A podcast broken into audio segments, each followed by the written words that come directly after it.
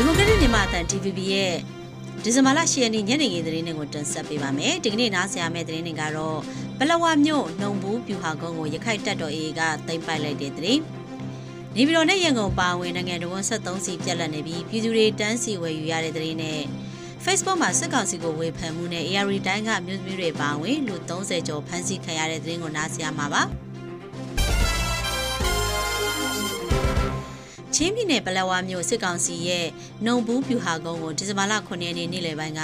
ရခိုင်တပ်တော် AA ကသိမ်းပိုက်ရရှိခဲ့တယ်လို့ AA နဲ့နှိဆက်သူစီကနေသိရပါဗျ။နှုံဘူးပြူဟာကုန်းကို AA ကဒီဇင်ဘာလ9ရက်နေ့မွန်းတက်12နာရီကျော်လောက်မှာသိမ်းပိုက်လိုက်တာလို့ AA နဲ့နှိဆက်သူတယောက်က DVB ကိုပြောပြပါဗျ။ အဲ့ဒီပြူဟာကုန်းကိုရခိုင်တပ်တော်ဘက်ကရက်ပေါင်း20ကျော်ထိုးစစ်ဆင်တိုက်ခတ်ခံရပြီးစစ်ကောင်စီဘက်ကဂျက်တိုက်လေယာဉ်တွေလက်နက်ကြီးပစ်ကူတွေနဲ့ပြန်လည်ခုခံခဲ့တဲ့အကြားတွေကတိမ့်ပိုက်နိုင်ခဲ့တာလို့ပြောပါတယ်။ဒရွန်ပြူဟာကုန်းကိုလည်းဒီဇင်ဘာလ၄ရက်နေ့က AA ကအပြစ်သက်သိမ့်ပိုက်ခဲ့ပြီးစစ်ကောင်စီတပ်သားအလောင်းတွေနဲ့လက်နက်ခဲယမ်းတွေသိမ့်ပိုက်ရရှိခဲ့ပါတယ်ရှင်။ စစ်ကောင်စီရဲ့အဓိကအုပ်ချုပ်ရေးနေရာနေပြီးတော့မှလည်း73စီပြက်လက်တာ3ရက်လောက်ရှိနေပြီဖြစ်တယ်လို့ဒေသခံတွေကပြောပါရယ်စစ်ကောင်စီက73စီရင်ညွန်းဈေးနှုန်းတွေကိုဒီဇင်ဘာလ10ရက်နေ့မှာဈေးချသတ်မှတ်လိုက်ပေမဲ့စီဆိုင်အများစုကအကန့်အသတ်နဲ့သာရောင်းချပေးနေတယ်လို့သိရပါရယ် ရန်ကုန်မြို့မှာလည်းစီလိုချင်တလောက်တော့ဝယ်မရသေးဘူးလို့လည်းဒေသခံတွေကပြောပါရယ်တချို့မြို့တွေမှာစီပြက်လက်ပြီးဝယ်ယူရခက်တာကြောင့်မောင်ခိုဈေးနှုန်းတွေနဲ့ဝယ်ယူသုံးစွဲနေကြရတယ်လို့ဒေသခံတွေစီကနေသိရပါရယ် AR တိုင်းပသိမ်မြို့မှာလည်း73စီဆိုင်အများစုဖွင့်ထားပေမဲ့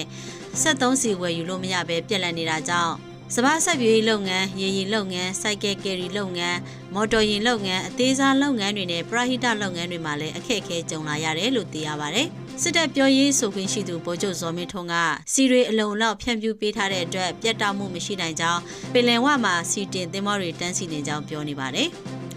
ARI တိုင်းမှာပြီးခဲ့တဲ့လူမှုကွန်ရက် Facebook စာမျက်နှာပေါ်မှာစစ်ကောင်စီမကောင်းတဲ့အကြောင်းရေးတင်လို့ဆိုပြီးအမျိုးသမီးတွေပါဝင်လူ33ယောက်ထိဖမ်းဆီးခံထားရတယ်လို့စစ်ကောင်စီရဲတပ်ဖွဲ့နဲ့နှိဆက်သူသူတွေစီကနေသိရပါဗျ။ဖမ်းဆီးခံထားတဲ့33ယောက်မှာမျိုးသမီး17ယောက်အထိပါရှိပြီးကြံရှိသူတွေဟာလူငယ်မျိုးသားတွေဖြစ်ကပြီးခဲ့တဲ့တွင်မာလာ၁ရက်နေ့ကနေ30ရက်နေ့အတွင်းစစ်ကောင်စီစစ်တပ်နဲ့ရဲတပ်ဖွဲ့ကဖုန်းတွေကိုယူကြည့်ပြီးဖမ်းဆီးခဲ့တာလို့သိရပါဗျ။ အဲ့ဒီဖမ်းဆီးခံရတဲ့ဒေသခံ33ယောက်မှာကြိုက်လက်မိုးပင်ဝါခေမဟင်းတရပသိမ်ဘိုကလေးပန်းတနော်စလွန်ကြံကြီးနဲ့စလွန်မြို့နယ်တွေကဖြစ်တယ်လို့သိရပါဗျ။ဖမ်းဆီးခံရသူတွေကိုစစ်ကောင်စီကရစတက်ကြီးဥပဒေပုံမှန်905ကကြီး905ခခွေစတဲ့ပုံမှန်တွေနဲ့အများဆုံးအမှုဖွင့်ရေးယူထားတယ်လို့ရဲတပ်ဖွဲ့နဲ့နှိစက်သူတွေစီကနေသိရပါတယ်ရှင်။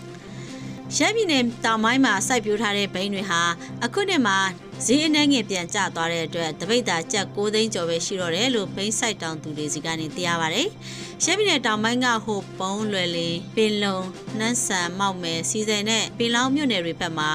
ဆရာနာသိပ္ပံနှစ်ကစပြီးဘိန်းတပိတ်တာ73သိန်းထိရှိခဲ့တဲ့အတွက်နောက်ပိုင်းမှာဘိန်းစိုက်ပျိုးတာတွေပြန်လည်မြင့်တက်လာခဲ့တာလို့ဆိုပါတယ်။ ဘိတ်ခုံကိုပိုးစစ်သားနှစ်ဖွဲ့ရှိပြီးပိုးမျိုးသားပါတီရဲ့ပိုးပြည်သူစစ် PNA အဖွဲ့နဲ့ပိုးမျိုးသားလွတ်မြောက်ရေးတပ်မတော် PNL အဖွဲ့တို့ကကောက်ခံတယ်လို့ဘိတ်ဆိုင်တော်သူတွေကပြောပါတယ်။အာဏာသိမ်းပြီးတဲ့နောက်မြန်မာနိုင်ငံမှာဘိန်းစိုက်ပျိုးမှု33ရာခိုင်နှုန်းတက်လာပြီးဘိန်းထုတ်လုပ်မှုနှစ်ဆနီးပါးတက်လာတဲ့အပြင်စိတ်ကြွမူရစ်ဆေးဝါးမက်တာဖက်တမင်ထုတ်လုပ်မှုတွေပါတရှိန်နှုန်းပြန်လည်မြင့်တက်လာခဲ့ပါတယ်။ကု လသမဂ္ဂမူရစ်စေဝါနဲ့ရာဇဝတ်မှုဆိုင်ရာယုံ UNODC က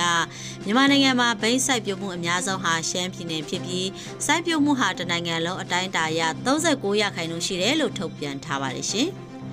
ထိုင်းနိုင်ငံမှာယာယီနေထိုင်လောက်ကင်ခွင့်ပတ်ရောက်ကလုပ်ဖို့ရှောက်ထားတဲ့မြန်မာရွှေ့ပြောင်းအလုပ်သမားတွေကိုထိုင်းအစိုးရရဲ့ဆုံးဖြတ်ချက်အရ2023ခုနှစ်အောက်တိုဘာလ1ရက်နေ့ကနေ